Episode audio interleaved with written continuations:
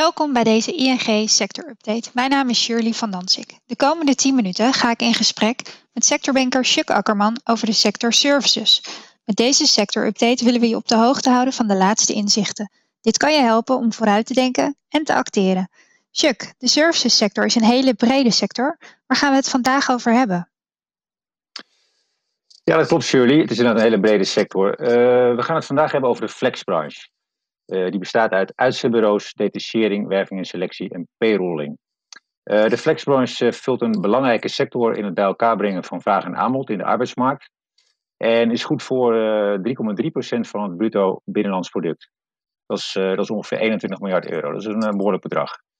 Um, voor corona werkten er jaarlijks ongeveer 835.000 uitzendkrachten via een uitzendbureau. En dat is uh, 3,3% van de beroepsbevolking. Er zijn in Nederland ongeveer 14.000 uh, uitzendondernemingen.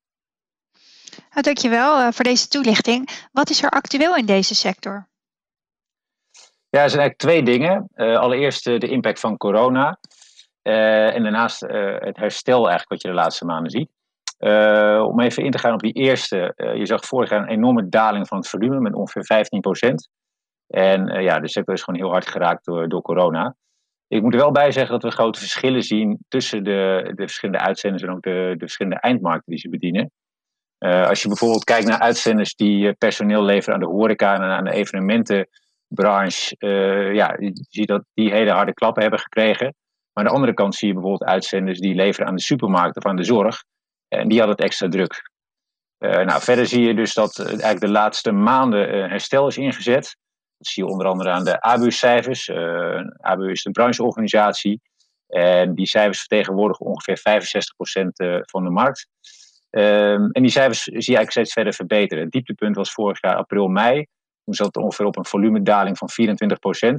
En als je kijkt naar de laatste periode die ze gepubliceerd hebben, dat ging over november uh, zag je dat de daling in, het volume nog maar 3% was. En de omzet die steeg zelfs alweer met, met 2% in diezelfde periode. Oké, okay. ik wil het ook graag met je hebben over de trends en ontwikkelingen. Want wat zijn volgens jou de twee trending topics voor de sector?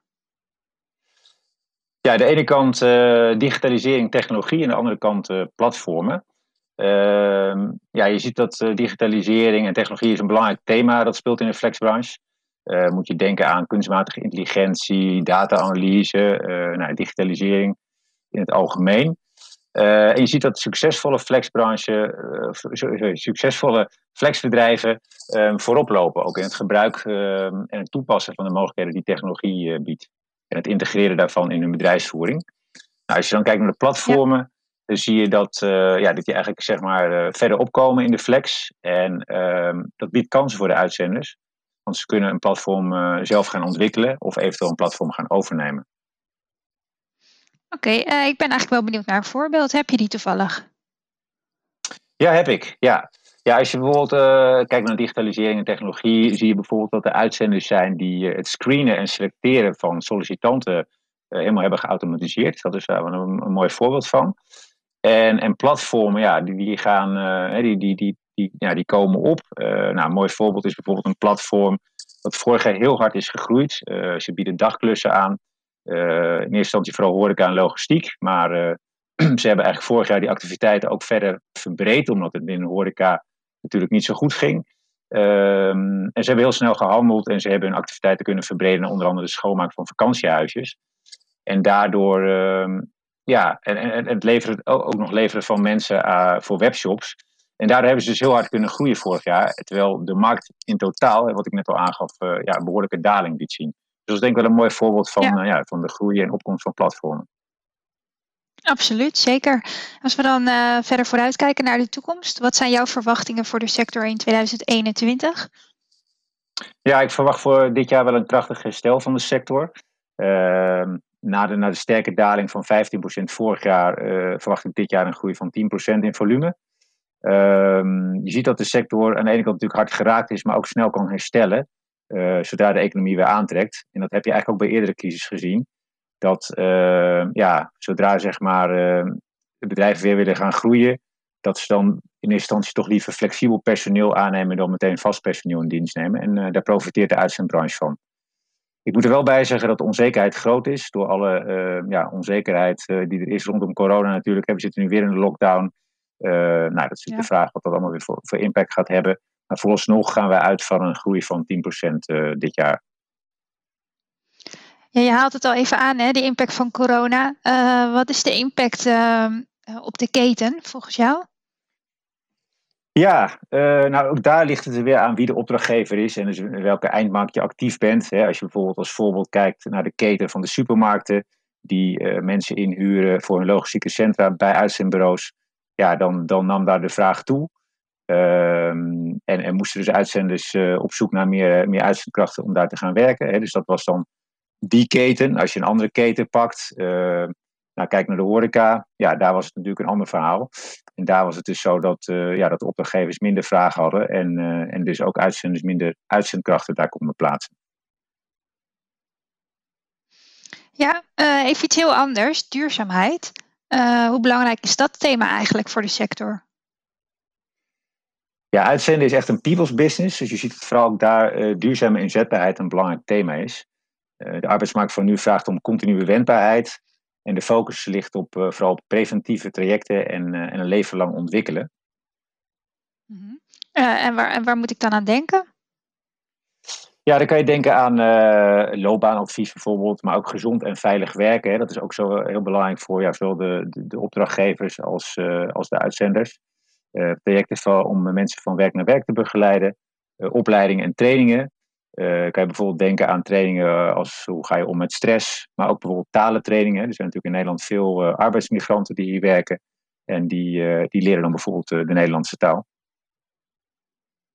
Ja, oké, duidelijk. kansen vind ik ook een heel belangrijk thema om het met je over te hebben. Waar liggen die binnen de sector? Nou, ik zie kansen eigenlijk om eh, dat uitzenders de, de, de hele flexschil van een opdrachtgever overnemen. Dat is zeker een kans. daarmee kan je toegevoegde waarde bieden. En uh, ook voorzien in de behoeften van de klant om daarmee ontzorgd te worden. Nou, een andere kans die ik zie is het opzetten of het overnemen van een platform.